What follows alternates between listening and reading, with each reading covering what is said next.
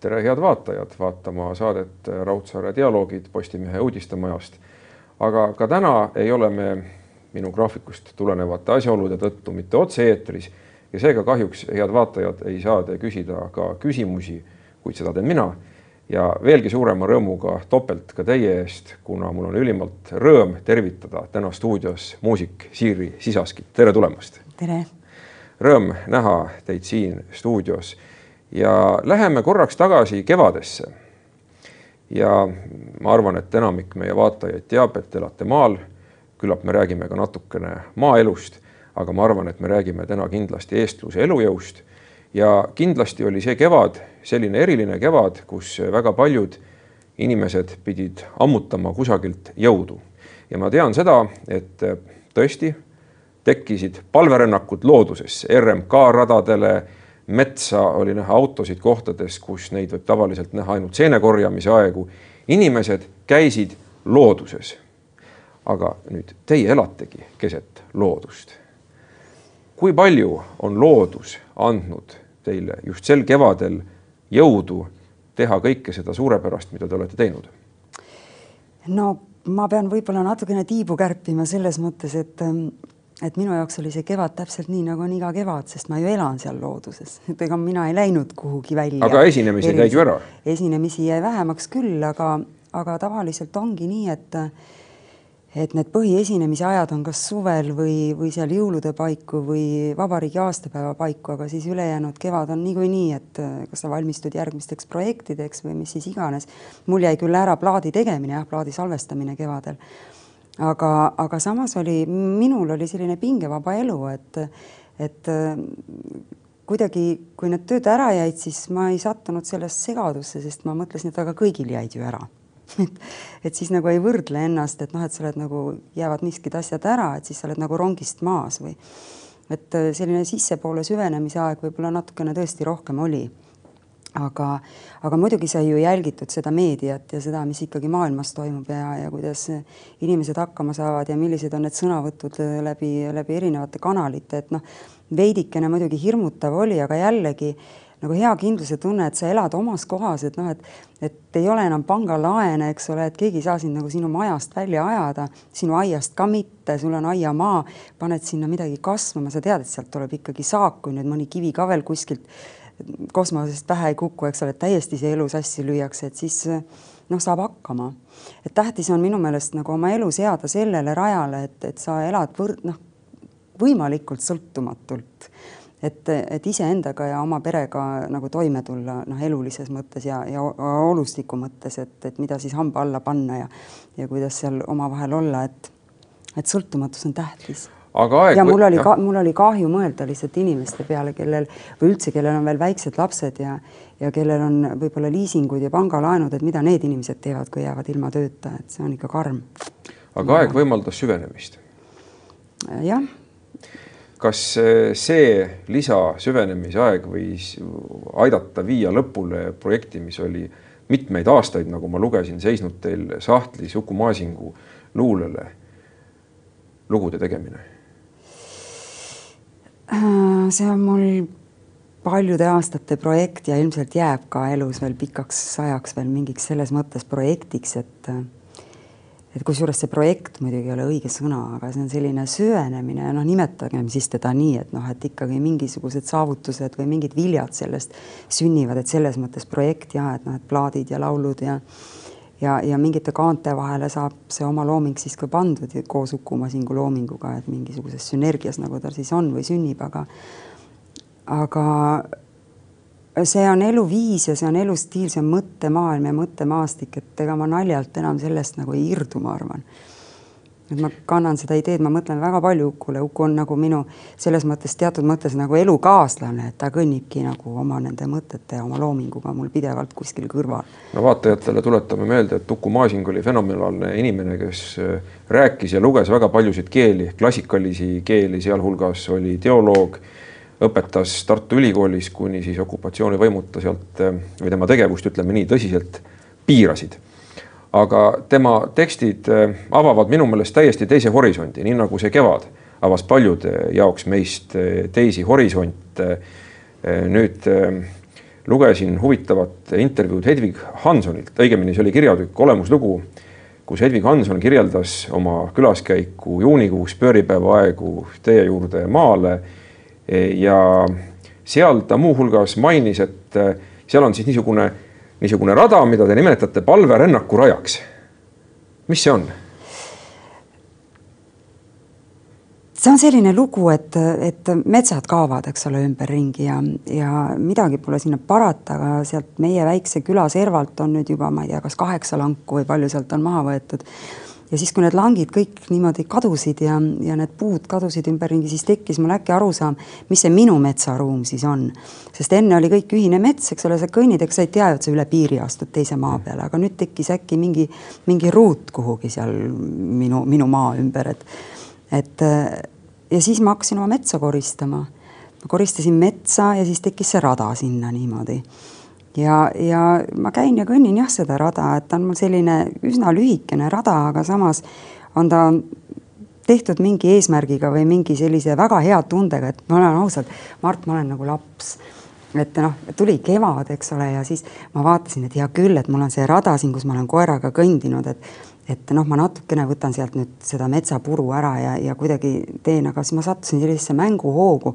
tõepoolest, et ma seal olin põlvil ja mul oli aega ja, ja siis ma neid raage seal korjasin, aga siis neid raage ma ka niisama ei jätnud, et siis ma ehitasin kiriku endale sinna nendest oksaraagudest ja ja see on selline looming, et, et see ei lõppe kunagi, et see on nagu väike laps, kes niimoodi liivalosse, eks ole, ehitab, et ja, ja, ja samas noh, see ei ole ju mingi kestev asi, et tuleb esimene tuul võib-olla ja pühib midagi ära, aga et lihtsalt sa oled selles looduse keskel, selles looduse rütmis ja rüppes ja ja siis ma jah, oma maa peale tekitasin sellise ringi, aga ma ei teadnud, et Hedvig seal käis. ma ei, praegu kuulen, et kuigi ma lugesin seda artiklit, aga ilmselt siis nagu kuidagi poole silmaga selle koha peal.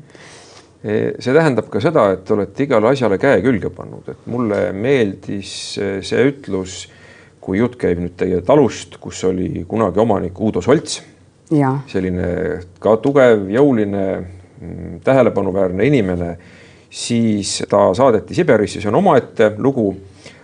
aga selles intervjuus, mida ma lugesin, kus tema nimi tuli jutuks, see oli ilmselt Kroonika intervjuu. Te ütlesite umbes nii, et kui nüüd see Uudo tuleks õuele ja ütleks, et ma teen ühe tiiru, ma näitan, kuidas asjad on siis te ütleksite, kuule, Uudo, ma teen sulle endale ühe tiiru siin õue peal. tähendab, tõesti igale asjale on käsi külge pandud juba ja kõik on saanud omaks läbi sellise sisemise kaemuse. jah, küllap on nii, et noh, minule peale vaadates ei võiks arvata, eks ole, et nüüd ta võtab siin Husqvarna sae ja saeb, saeb siin midagi või, või mingit mörti kuhugi vuugitäideteks, eks ole, paneb või laob või aga ma olen eluaeg olnud selline inimene, et ma ei, ma ei ole tööpõlgur, et kui on vaja midagi ära teha ja sa näed, et see töö on otseselt konkreetselt on praegu vaja teha, sest, sest äh, kuidagi noh, elu nõuab seda või näiteks sellel kevadel, sellel samal eelmisel koroona kevadel lihtsalt oli selge see, et noh, ma olen ju ka ikkagi vabakutseline kunstnik ja kui neid töid ja asju ei ole, siis mõtled, aga kuidas ma siis hakkama saan, eks ole, et järgmine aasta tuleb ja tali tuleb ja ja maja on mul suhteliselt külm talvel, et mul on seal isolatsiooniga mingid probleemid, et tegelikult tõesti põrandad lähevad hästi külmaks ja noh, et ja ma kütan puudega, et noh, et kus ma siis neid puid nagu ostan, et kui mul seda tööd ei ole ja kontserte ei ole, et et äh, siis oli üks vana puu oli mul seal õue peal ja oligi pool kuivanud ja oli vaja see maha võtta ja siis kutsusin naabrimehe appi. niimoodi hoidsime distantsi, eks ole, viie meetri kaugusele ja tema saagis selle puu maha, aga edasi ma seda ekseldasin ja tegin ja raiusin ja lõhkusin ja tassisin neid kände välja nagu üksinda, sest ma ei lubanud oma poega ka enda juurde tulla, sest et noh, et me ei tea ju, kuidas siis keegi kuskil on käinud või millised viirused meil seal omavahel levima kipuvad, et et tõesti sai seda eraklust ja eraldatust vägagi hoitud, aga lihtsalt sellel ajal oli tõesti meeletu töö tegemine ja mulle see nii õudselt meeldib, et mulle meeldib nagu ennast lihtsalt endaga tuttavaks saada, et millised on veel need võimalused ja ma olen hästi tugev. et see ka vist võib-olla ei paista, kui niimoodi minule peale vaadata, selline õrn naisterahvas ja aga tegelikult ma olen meeletult tugev, et ma ei tea, kust mul see jõud tuleb lihtsalt. mul on täitsa kohutav jõud, et. kust ta tuleb? ma ei tea ma ei tea, ma arvan, et see on, see on midagi sellist, et no vot, see on vaja ära teha ja siin ei olegi küsimust, eks ole. ma arvan, et see on mitte ainult äh, füüsiline jõud, vaid see on eeskätt vaimne jõud. jah, et oli selline situatsioon kunagi, kus äh, oli üks suur saare palk, mis mulle toodi õue peale, et äkki saeme pooleks ja teeme mingi pingi sellest, et külainimesed pakkusid välja, et noh, et me ei raatsi ära nagu saagida, et nii vana puu ja kõik, et äkki teed, saed pooleks, teed pingi. aga noh, siis ta jäi mul sinna vedelema, eks ole, kuidagi mädanema ja siis ma mõtlesin, et ei, ei, et ikka tuleb pakkudeks teha. aga mul on vot nii väike saeleht, eks ole, aga sinna sajas ikka pikka saelehte ja siis ma kutsusin ühe mehe abiks ja me saagisime selle pakkudeks. Ja siis ma ütlesin ühe paku peale, et ära tead seda ikka pooleks saed, jätame selle mingiks lauaks või mingiks asjaks, et ma veeretan selle kuhugi. ja me ei jaksanud seda kahekesi veeretada. et noh, natuke nügisime küll, aga seal lõppes see võhm ja, ja siis see meesterahvas jäi nagu kõrvale seisma, mina ka ja, ja siis noh, nagu mõtles, et noh tea, mis siis nüüd siis teha ja noh, nagu kogusime ennast ja ma ei tea, kust mina selle jõu võtsin, aga ma tegin niimoodi ja tõstsin selle püsti selle selle, selle paku. Ja see mees jäi kõrvalt vaatama, ta lihtsalt ei uskunud oma silmi, no ma ei hakka teile nüüd päriselt, eks ole, siin nagu seda nüüd näitama, kuidas see käis, aga, aga see oli tõesti vaimu ja jõu ja mingisuguse sisemise mingi selgroo kokkuvõtmine, et ma, ma olen väga tugev ja seda tugevust ma toidan sellepärast, et kui sa füüsiliselt oled tegevuses ja kui sa sihipäraselt tegutsed, siis on see vaimujõud ka kuskile ära ei, ei kipu kaduma. no terves võib... kehas terve vaim. just. Et, et ja, ja, ja, ja kui nüüd küsida, noh, et mis asju ma seal teen ja kuidas ma teen ja kuidas, kuidas see palverännaku tee sündis, siis, siis noh, need kõik asjad on kuidagi omavahel seotud, et ja mina olengi see, kes neid seob oma vaimuga ja oma mõtestatusega. selle teema juurde. ma hästi saame... omal kohal seal väga hea, selle teema juurde me saame tagasi tulla, aga enne kui me vaatame ühte väikest videolõiku, räägime selle juurde. see on siis äh, klipp uuest loost, mille nimi on Sumeri naine, mis on Uku Masingu tekstidele, mis on väga erilise helikeelega. kui ma seda kuulasin, selles mõttes erilise helikeelega, et ta on minimalistlik. et iga liigutus, mida seal muusikud teevad, on omal kohal. ta on selles mõttes täiuslik. aitäh. et äh, selle taga on ikkagi aastaid, ma saan aru, et ta on küpsenud pikalt, kuni nüüd ta siis lõpuks sai valmis sellel kriisi ajal ja. või natuke enne seda see on olnud üks minu lauasahtli lugudest ja mul on neid palju. ja, ja see, et ta niimoodi õnnestus, muidugi noh, tõesti suurepärased muusikud, kes asjaga haakusid, aga aga ma ise ka leian, et äh, ma ei ole kunagi olnud selline laulja, kes laulab lihtsalt, lihtsalt sõnu, et noh, et mingid read, eks ole, ma kaasa ei ela. et ma ikkagi näen seda pilti või seda maastikku silme ees ja ma olen seal kohal ja ja kui seda teksti kuulata, ega seal ei saa väga noh, nüüd hakatagi mingeid krutskeid, et see sek-, see tekst on juba nii otsesirge, et seal tulebki sellesse niimoodi läheneda. lõppedes kuuleme sellist rida, sinililled õitsevad valge pilve vilus. õitsvad. õitsvad, valge pilve vilus. tõepoolest, aga kuulame siis eh, seda lõiku, te vaatate saadet Raudsaare dialoogid. meiega stuudios on muusik Siiri Sisask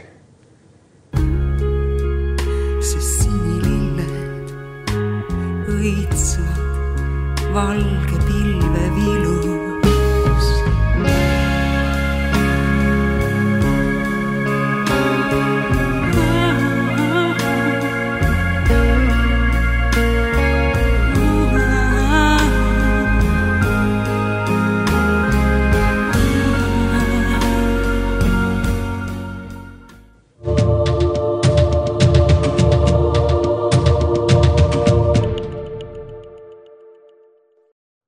Nõnda siis, tere tulemast tagasi vaatama saadet Raudsaare dialoogid koos muusik Siiri Sisaskiga, keda te ju äsja nägite musitseerimas ja ma usun, et te nõustute minuga, et see oli üks ütlemata kena asi.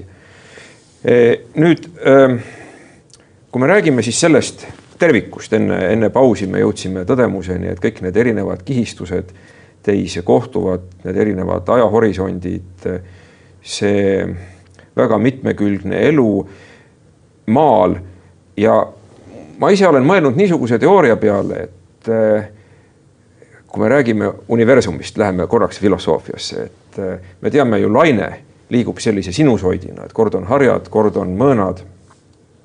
et eh, oleme kuulnud ka sellist ütlust, et ta nagu libiseb mööda laineharju, et, et see koht kehtib nende inimeste osas, kes siis nagu satuvad kuidagi sellesse õigesse takti ja liiguvad koos selle laineharjaga. mis iganes see lainehari siis ka ei oleks aga mõnikord võib inimesel elus juhtuda ju siis ka nii, et, et, et sa natukenese millimeetri võrra või millisekundi võrra satud nagu teise universumisse ja siis sa näed seda meie elu just nagu läbi tsellofaankile, mida ma ei ütle, et ei ole võimalik purustada, aga mida on just nagu raske purustada, et tekib selline, selline kummaline nagu, nagu ajaväline tunne läbi aastate. jah. kas võib see nii olla?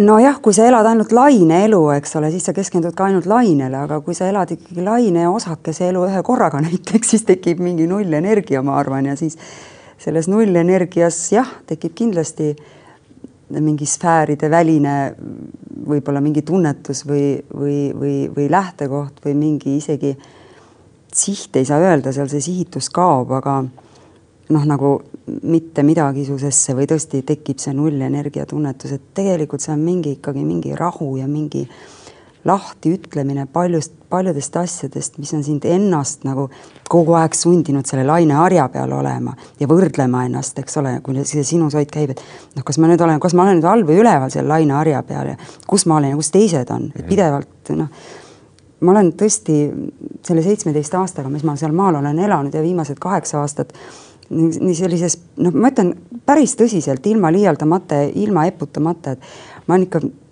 kaunikesti suures erakluses elanud küll. et noh, see suhtlemine on olnud ikka väga napp ja, ja, ja enesesse vaatamine on olnud sügav ja sealt enesest ei leia sa ju ainult meeldivaid asju. et küllap sealt ikkagi tõuseb ka selliseid pingeid ja mingeid valuaistinguid ja instinkte.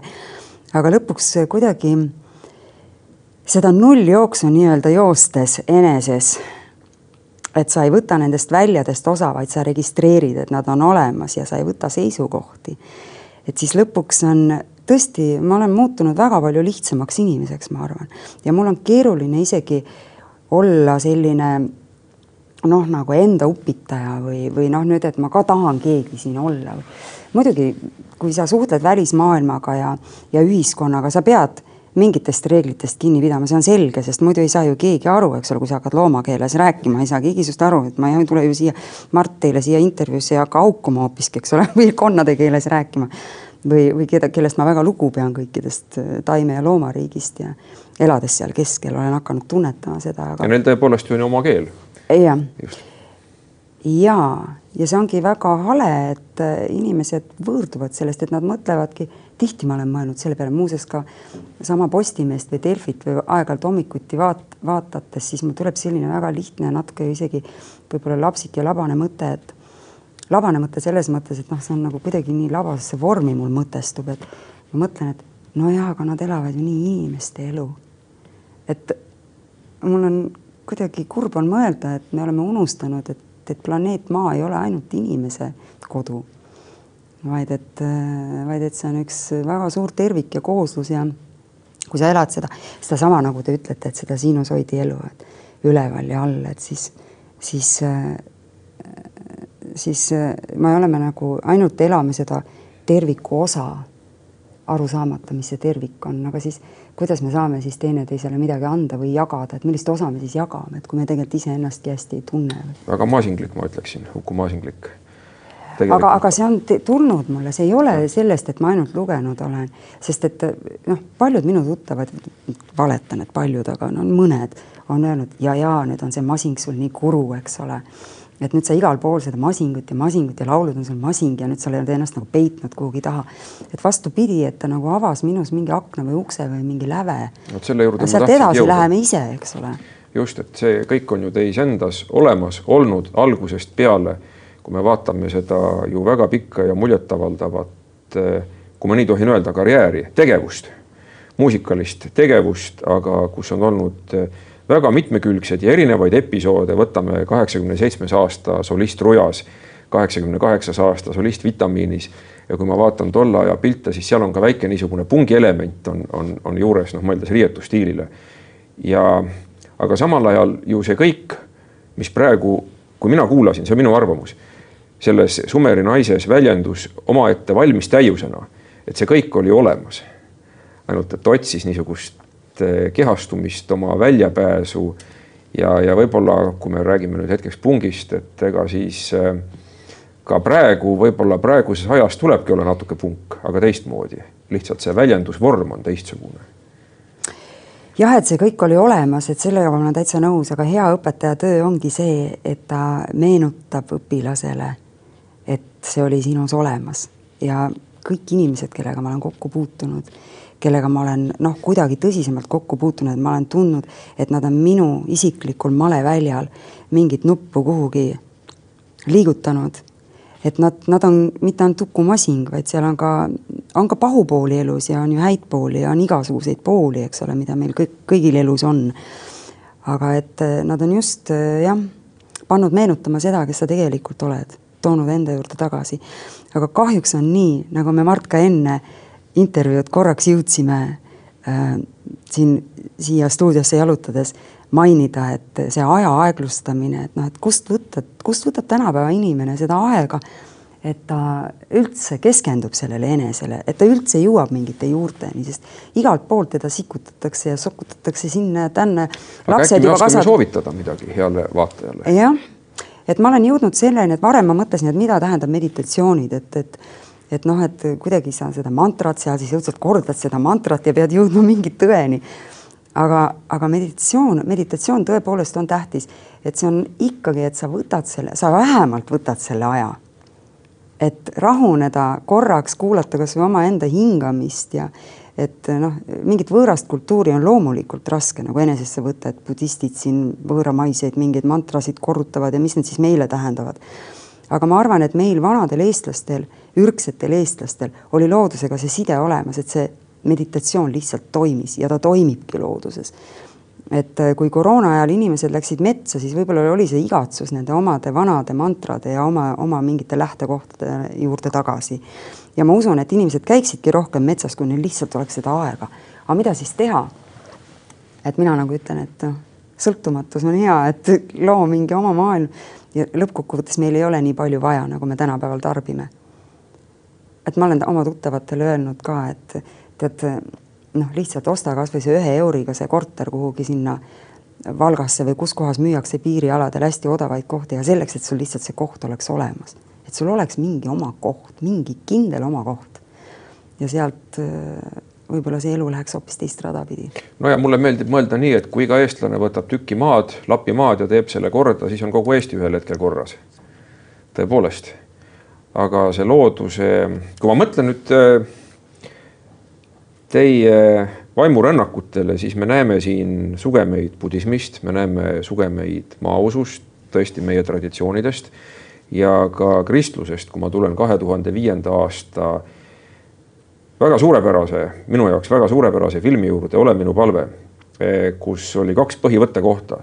üks oli Saha kabel, mis siis on Saha lool Tallinna lähedal, suurepärane keskaegne kabel, neid on väga vähe säilinud sellisel kujul Eestis. kunagi oli neid palju ja pankrannik teise võttekohana. Paldiskis. Paldiskis, mis on ka väga muljetavaldav looduslik pühamu, võib nii öelda. ma saan aru, et võtterühm küll valis need võttekohad, aga siiski noh, teie panite sinna sisse selle, selle jõu ja väe, mida on võimalik näha seda filmi vaadates ja mis vapustas ka minu Belgia tuttavaid, kellele ma seda videot näitasin, kui ma selle kaasa võtsin kahe tuhande viiendal aastal et mis on see vaim ja vägi või? just mm. -hmm.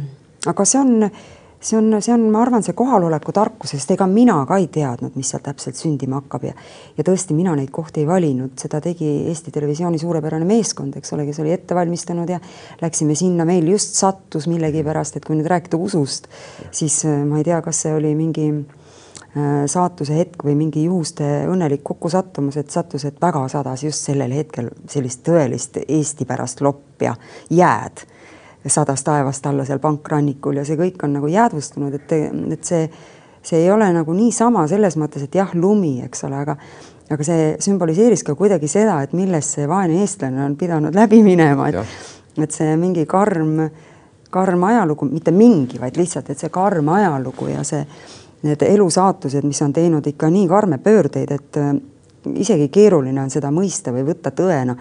Et ma võib-olla olen oma jutus natuke laialivalguv, aga, aga kui me räägime, siis mul hakkavad kohe pildid kerima või käima, et kui ma kui ma nagu mõtlen selle peale, et mida teine inimene on läbi elanud meil siin Eestis ajaloo vältel.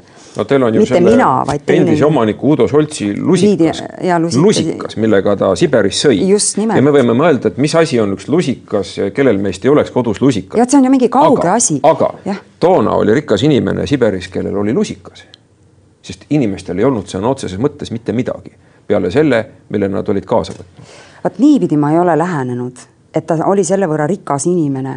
ma olen nagu mõelnud nii, et, et noh, et tõenäoliselt, eks ju, seal ei olnud restorane ega sööklaid. sul oli see oma üksainuke selle leeme, leemekulbi liigutaja oli sul, eks ole, enda oma oli sul taskus, oma märk oli peal. aga see, et see üldse minu juurde tagasi sattus, kui ma selle lusika enda kätte sain, kui mulle toodi see lusikas, kuidas see juhtus? see juhtus nii, et tõi tema õepoeg, kellel on veel maatükk seal ja kes on ka juba eakas inimene, üle kaheksakümne, eks ole. ja tõi ja ütles, tead sa, et noh, et sa oled siin teinud ja mässanud, me siin vaatame kõrvalt, et kuidas sa siin teed ja et noh, tahame anda mõned asjad, mis siia tallu kunagi kuulusid ja aga üks asi on meil veel. Ja siis noh, nad andsid mulle seal vana grammofoni, andsid ühe vana lau- kirjutuslaua ja siis sinna laua peale selle lusika. Ja kui ma selle lusika sain, siis äh, ma, ma ei, ma ei, ma ei, see on ju tohutu tunnustus. see on, see on esiteks väga suur tunnustus, aga, aga kui ma selle lusika sain, siis, siis oli mulle täiesti selge, et noh, et mina ikka olen selle koha perenaine nüüd siin ja tehke, mis tahate. et noh, et, et min, mina lähen siit jalad ees ja nii on ka, sellepärast et ma olen selle ise seal üles ehitanud ja kui ma ükskord va- vanaks saan ja noh, tekib võib-olla ka haiguseid ja asju ja hooldekodu küsimus võib-olla või mina ei lähe kuhugi, sellepärast et noh, mina olen seal selle koha tegelikult päästnud ja üles tõstnud, eks ole, porimülkast, ütleme nii. ja see lusikas on mul tagataskus ja mina seda söön kuni lõpuni. ja selles mõttes on jah, mul see, aga ma tahtsin öelda seda, et mis on juhtunud nagu kellegi teisega, kas Eestis või kuskil mujal, see on täpselt sama nagu praegu kuskil Mägi-Karabahhis, eks ole, toimuvad seal noh, äh, lahingud ja, ja, ja inimesed hukkuvad ja tsiviiliisikute kallal on mindud, nende kodud on lõhutud ja aga meie mõtleme siin Eestis, eks ole, et aga see on kusagil kaugel, noh, hea küll on või ei ole, meie igapäevaelus ei sega, eks kuskil ole. marsil. noh, kusagil, ei tea kus, et noh, ei sega. niikaua, kui sind ennast need asjad ei puuduta, nii kaua on nagu hea elada, eks ole.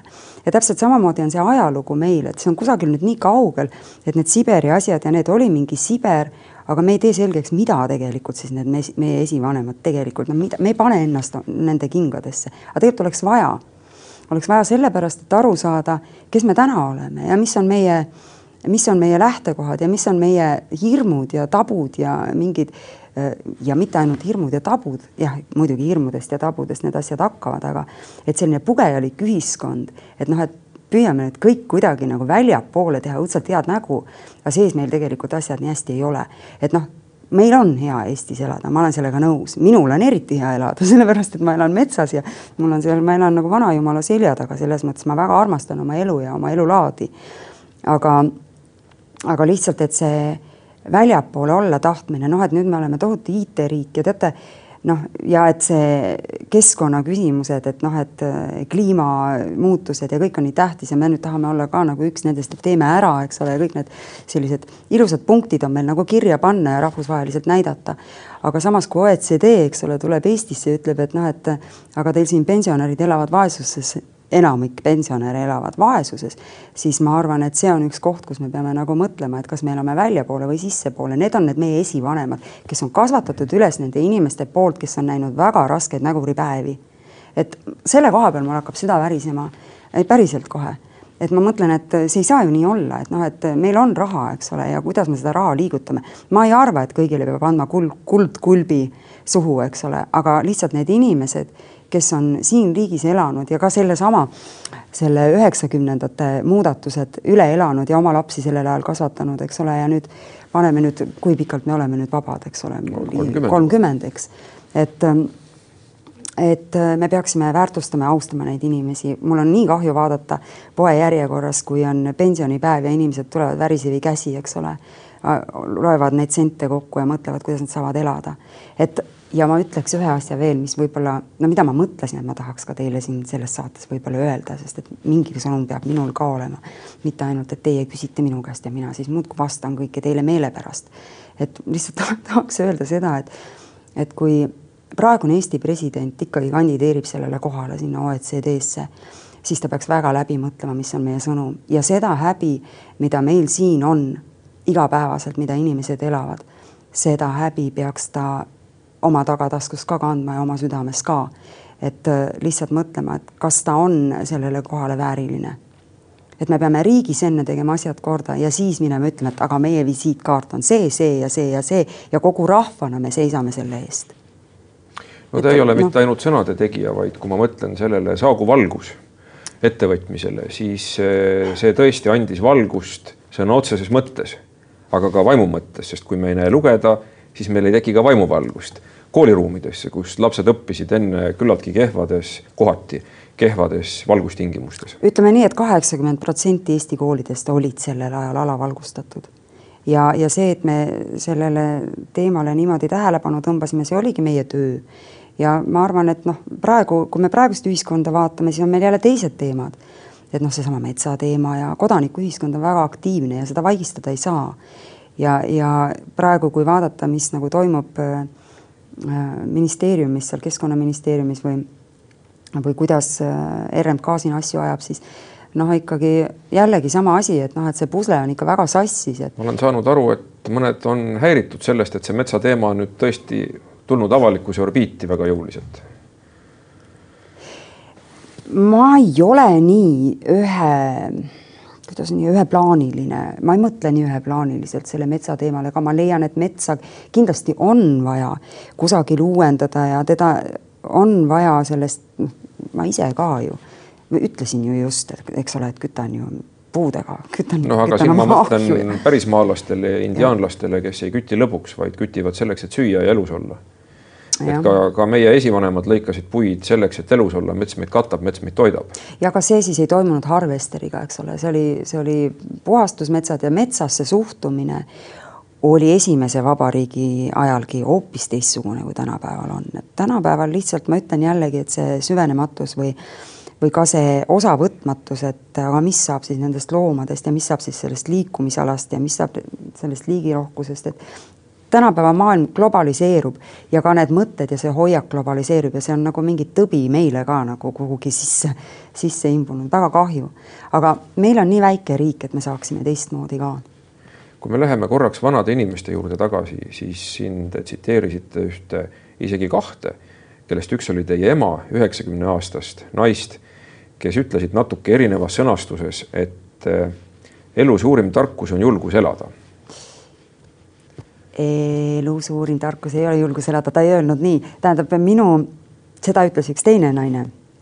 aga minu vanaema, kes oli kaheksakümmend, mina küsisin tema käest, et vot sina nüüd nii vana inimesena, oota, kas ta oli kaheksakümmend või üheksakümmend oli? üheksakümmend. üheksakümmend ja ta sai üheksakümmend, ma mäletan seda sünnipäeva. me jäime kahekesi äh, nagu kambrisse ja, ja mina küsisin ta käest, et aga mis on see kõige suurem elutarkus niimoodi lühidalt, kui sa ütleksid, et või kuidas sa sõnastaksid, sa oled üheksakümmend aastat elanud, no sul on settinud tarkus. ja ta ei kõhelnud ka, ta ei mõelnud ka, ta ütles, et kõige suurem tarkus on tahe elada. ja see oli midagi sellist, et noh, ma olen lugenud budistlikku kirjandust päris palju ja kõike muud ka, eks ole, ütleme sellist natuke vaimsemat äh, kirjandust, mis on saada siin olnud Eestis ja ja, ja ka käinud äh, seal Himaalajas ja kus ma olen rännanud ja inimesi kohanud ja juttu ajanud ja teada saanud ja kuulnud ja see tundus mulle, kuidas saab olla minu vanaema, noh, kes ei ole siit riigist isegi välja pääsenud, kes ei ole lugenud budistlikku kirjandust, kuidas ta saab niimoodi öelda, nii põhjapanev asja, sest tõesti, no tahe elada on kõige suurem tarkus. aga kuidas ikkagi jääb selle julgusega? julgus, seda ütles nüüd inimene, kaheksakümne aastane inimene, inimene., kes on minu naaber ja tema jällegi, mina küsisin tema käest sama küsimuse ja ootasin siis, et mis vastus nüüd tuleb ja tema ütles julgus. ja kui need kaks asja kokku panna, tahe ja julgus, noh, muidugi tahtest algabki julgus, aga julgus, jah. kui vaadata, kuidas me tänapäeval oma lapsi kasvatame või kuidas kasvatatakse, et siis on just pigem see, et ära tee seda, ära ütle nii, nagu sa mõtled, miks sa pead seda rääkima seal, ära mine sinna, püüa olla nii, laula nii, nagu kõik teised laulavad ja ära tee omamoodi muusikat ja noh, siis sobi, tead ja mida sa tahad öelda, kui sa niimoodi kuskil artiklis kirjutad, nii otse ütled ja noh, miks sa pead niisuguseid teemasid üles tõstma, aga, aga miks me ei julge olla need, kes me oleme tegelikult, millest see algab?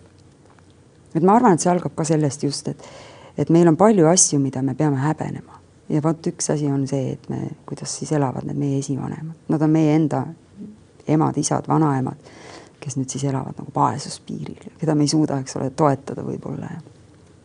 See on see häbi, et mingisugune päris raske häbi. ma ei tea, kas ma oskan neid asju, neid asju üldse rääkida, aga tunnetus on selline ja ma ei taha ka olla näpuviibutaja nagu nii suures plaanis, aga kui ma juba siia tulin, no mis mõttes me siis räägime ainult seda lilleilu? no just nimelt, et mitte libiseda mööda pealispinda, et läheme asjadesse süvitsi. aga ju kõigi eesmärk võiks siis olla see, et elada elusamat, rõõmsamat elu. ma nüüd lausa tsiteerin, aga ma ei suuda meenutada, kust ma selle teie tsitaadi olen võtnud. ja avatud hingega, eks ole, et siia kuulub ka see loome pool juurde, et see on üks olemise osa, see on üks olemise viise. see ei ole mitte nüüd see, et oo, ma tahan teha plaate või ma tahan saada kuulsaks, vaid see ongi see üks olemise osa, see, mis tuleb, mis kasvab inimese seest välja, eks ole, muusiku seest välja, et ma, ma teen seda muusikat. ei no ma arvan, et avatus võiks olla üks asi tõesti, mida me võiksime rohkem olla üksteise ja teineteise vastu, et et kui me suhtleme ka, et siis äh, mitte see, et noh, mul on kogu aeg midagi tagaplaanil, mingi saladus on kuskil, et noh, sest äh, need saladused on ka väga inimlikud asjad, et näiteks mida ma olen pannud ka tähele niimoodi kõrvaltvaatajana, et tegelikult inimesed ei julge enam öelda, et mul on raske.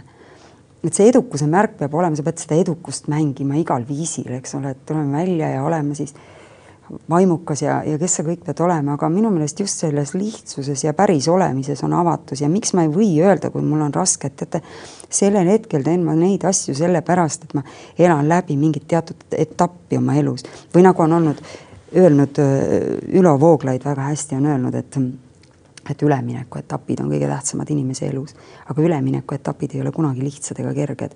aga kui me siis püüame nagu teha seal kõrval nagu nägu ja me ei räägigi kuskil, mis meiega tegelikult toimub, siis me nagu elame iseendas võltselu. ja siis on avatusest, on ühiskondlikus mõttes on ka väga kaugel lihtsalt see elu ja elukorraldus ja olemine ja mõistmine ja et olgem need, kes me oleme ja julgegem öelda asju, mis meid tegelikult päriselt häirivad, julgem seista ka nende nende asjade eest, mis meile pühad on. Et ärme neid jäta, mitte ainult nii, et, et ma panen täna rahvariide selga ja homme olen ma hea laps, eks ole, sest et ma laulan seal ja oleme kõik koos, aga kanname nagu kuskil hinges iga päev neid oma rahvariideid. miks me ei võiks niimoodi teha? ja kui on vaja, siis paneme päriselt selga, et neid on vaja paremaks korraks saada, et nii tore oleks minna näiteks Selveri, Selverisse ostma mingit toidukaupa ja sind teenindab rahvarõivastes inimene kuskil kassas. Siis sa nagu kohe nagu selg läheb sirgemaks ja mõtled, oi, ma ütlen talle, naeratan talle, ütlen aitäh. teisiti ei saa. minu meelest väga hea mõte, millega minna praegu sellesse sügisesse vastu, mis äh, kindlasti on vihmane ja ühel hetkel ka lörtsine. aga ammutagem endast siis seda rõõmu jah, ja kui sa, kui sa ammutad seda rõõmu ja sa oled nagu väärikas enese vastu, siis ei ole sul nagu teiste rahvaste suhtes ka midagi väga ette heita, et siis sa nagu ju armastad seda ka, et nemad on ka väärikad oma rahvuse vastu ja ja siis see suhtlemine läheb nagu natukene võib-olla peenemakoelisemale tasemele, et me lihtsalt hoiame üksteist ja. Siiri Sisask, ma tänan südamest selle huvitava vestluse eest, aitäh ja jõudu! suur tänu! selline oli tänane Raudsaare dialoogide saade muusik Siiri Sisaskiga. ja ma usun, et siin oli üht-teist, mida kuulata, mille üle mõelda. Järgmine saade järgmine nädal uue külalisega. kõike head teile seniks. thank you